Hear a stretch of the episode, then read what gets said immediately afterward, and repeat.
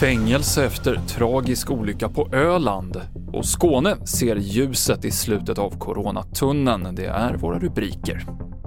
Ja, det blev fängelse för den man som i hög fart körde på en cyklande familj i Färjestaden på Öland sommaren 2020. En kvinna och hennes ena son omkom i olyckan.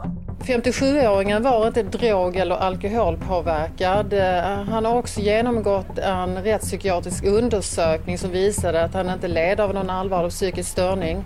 Men det har framkommit att han har epilepsi och eh, att han vid stressiga eh, tillfällen då drabbas av anfall. Han har ju inte kommit ihåg någonting från den här, från den här olyckan. Han har en minneslucka. Och under rättegången så tog man även fram eh, de medicinska journalerna där läkaren har skrivit att, eh, att han har berättat att han drabbades av eh, anfall mer regelbundet och att han fick minnesluckor från och med hösten 2019. och Den här olyckan inträffade sommaren 2020. Det berättade vår reporter Maria Strongert. Mannen döms till två och ett halvt års fängelse. Det har varit störningar för tågen i Västsverige under förmiddagen. Ett elfel stoppar trafiken mellan Halmstad och Borås. Det påverkar bland annat Öresundstågen och bussar ersätter.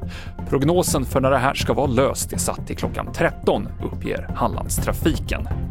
I Skåne så kan man se början på slutet av pandemin, enligt regiondirektören. Smittspridningen är fortsatt stor, men belastningen på sjukvården har nått en platå och har man tre vaccindoser är risken liten för att bli allvarligt sjuk, säger regiondirektören. Och han tror även att Sverige snart kommer göra som våra grannländer Danmark och Norge och lätta på restriktionerna. I Stockholm fortsätter halterna av omikronvirus att öka i avloppsvattnet, det visar nya mätningar. Däremot så har uppgången brutits i Göteborg. Mer om det på tv4.se. I studion idag Mikael Klintevall.